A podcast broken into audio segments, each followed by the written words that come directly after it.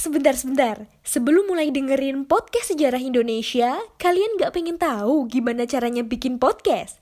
Yakin? Gak susah kok. Coba deh download Anchor Podcast. 100% mudah, 100% gratis.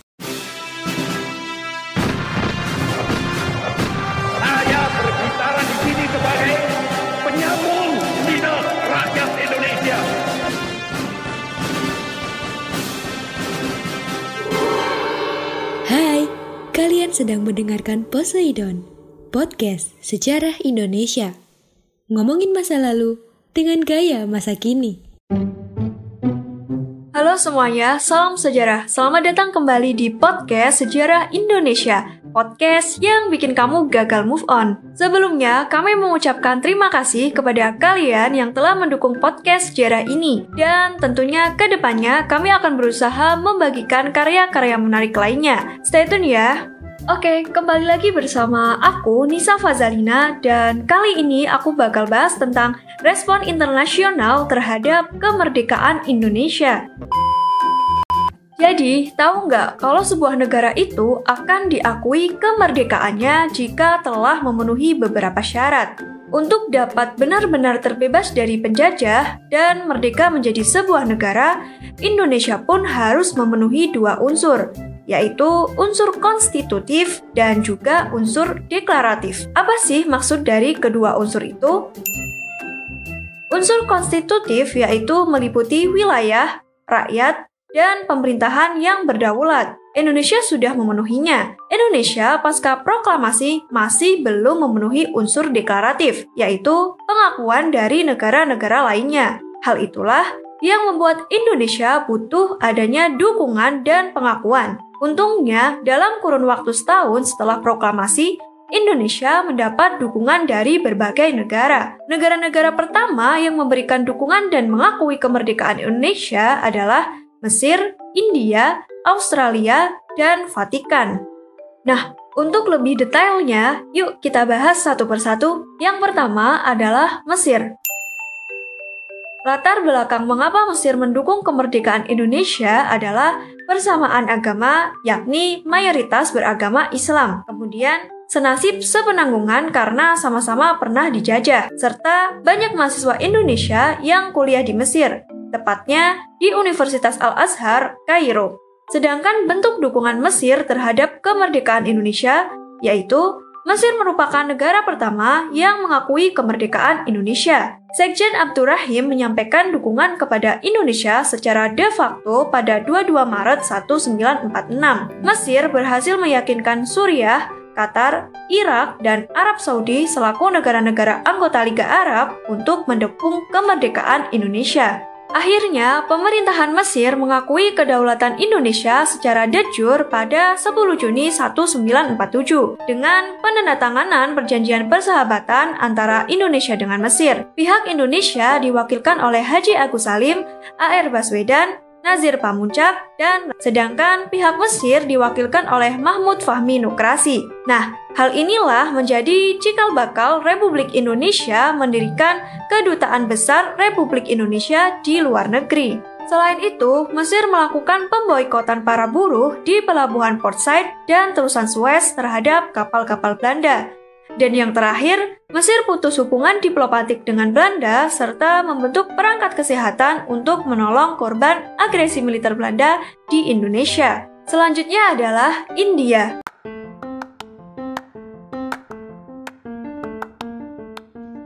Halo Sobat Poseidon, kalian pasti sudah tidak asing lagi dengan Anchor. Yap, aplikasi penyedia jasa untuk para podcaster pemula dan juga pro.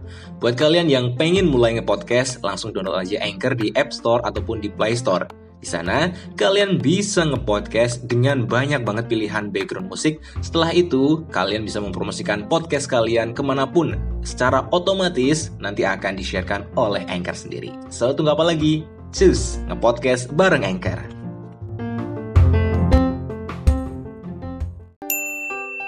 Jadi, pada tahun 1946, Indonesia melakukan diplomasi beras dengan India. Indonesia mengirim bantuan sebesar 500 ribu ton beras kepada India yang saat itu sedang mengalami krisis pangan akibat penjajahan Inggris. Nah, Kamu tahu nggak, sebenarnya diplomasi yang dilakukan oleh Sultan Syahrir bersifat politis. Kenapa? Karena dengan peran Indonesia kepada India, India menjadi salah satu negara di Asia yang terus gencar menyuarakan perjuangan kemerdekaan bangsa Indonesia.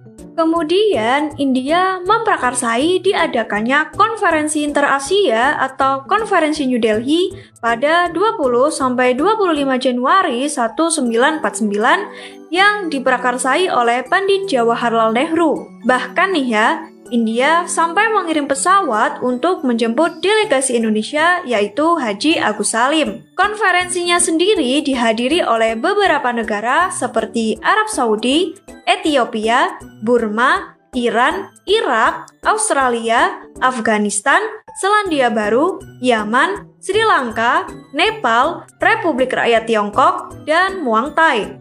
Lalu, apa sih hasil dari konferensi interasia itu? Nah, Hasilnya ini disampaikan kepada Dewan Keamanan Perserikatan Bangsa-Bangsa atau DKPBB oleh Nehru. Kemudian, DKPBB mengeluarkan resolusi pada 28 Januari tahun 1949 sebagai tindak lanjut dari hasil konferensi New Delhi yang isinya meliputi yang pertama, segera melakukan kejahatan senjata. Yang kedua, pembebasan semua tawanan politik Republik Indonesia dan mengembalikan pemerintahan RI ke Yogyakarta. Yang ketiga, mengadakan perundingan di bawah pengawasan UNCI atau sebagai pengganti KTN atau Komisi Tiga Negara yang memiliki wewenang meliputi 1. Memprakarsai perundingan dengan wakil-wakil daerah Indonesia guna membentuk pemerintahan sementara selambat-lambatnya 15 Maret 1949. 2 menyelenggarakan pemilihan umum untuk memilih Majelis Konstituante sebelum terbentuknya Republik Indonesia Serikat atau RIS. Yang ketiga, penyerahan kedaulatan terhadap RIS selambat-lambatnya 1 Juli 1949. Oh iya, India juga mengecam agresi militer Belanda 1 dan 2 yang dilakukan Belanda terhadap Indonesia. Negara yang ketiga adalah Australia. Secara geografis, Indonesia sangat berdekatan dengan Australia. Hal itulah yang membuat Australia ikut terlibat dalam menyuarakan dukungan kemerdekaan Indonesia. Salah satu bentuk dukungannya adalah peristiwa Black Armada yang terjadi pada 24 September tahun 1945. Pada saat itu terjadi boykot besar-besaran terhadap kapal-kapal milik Belanda di pelabuhan Brisbane, Sydney, Melbourne yang membawa persenjataan milik Belanda menuju Indonesia. Kejadian tersebut didukung oleh Partai Buruh Australia yang pada saat itu menguasai pemerintahan Australia. Lalu, apa akibat dari peristiwa Black Armada? Akibatnya, sebanyak 400 armada kapal milik Belanda yang berlabuh di Australia tidak bisa melanjutkan perjalanan ke Indonesia. Selain itu, Para pekerja di pelabuhan Sydney juga menggelar aksi unjuk rasa di depan kantor diplomatik Belanda dan memasang spanduk bertuliskan Hands of Indonesia. Singkatnya, beberapa peran Australia terhadap Indonesia adalah 1. Memfasilitasi kembalinya 1.400 tawanan perang Belanda asal Indonesia kembali ke tanah air. 2. Duduk dalam komite PBB untuk mendesak kemerdekaan Indonesia segera diakui. 3. Menjadi wakil Indonesia dalam Komisi Tiga Negara sebagai mediator terlaksananya Perjanjian Renville. 4. Partai Buruh Australia melakukan berbagai cara untuk mendukung kemerdekaan Indonesia. Negara yang keempat adalah Vatikan.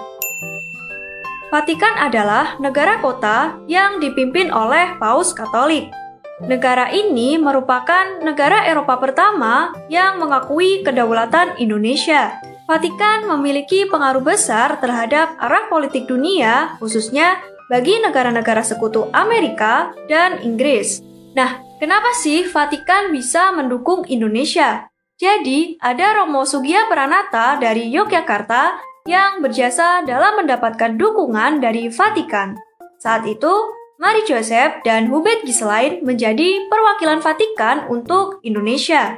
Nah, Demikian penjelasan mengenai respon internasional terhadap proklamasi kemerdekaan Indonesia dari negara Mesir, India, Australia, dan Vatikan. Sebenarnya, selain negara-negara tadi, PBB atau Perserikatan Bangsa-Bangsa juga memberikan dukungan terhadap Indonesia loh. Coba ya, cari tahu apa aja sih dukungan dari PBB. Oke, stay safe, stay healthy, stay happy, dan jangan lupa follow kami di Instagram at podcast underscore sejarah Indonesia. Terima kasih sudah mendengarkan dan sampai jumpa. Terima kasih.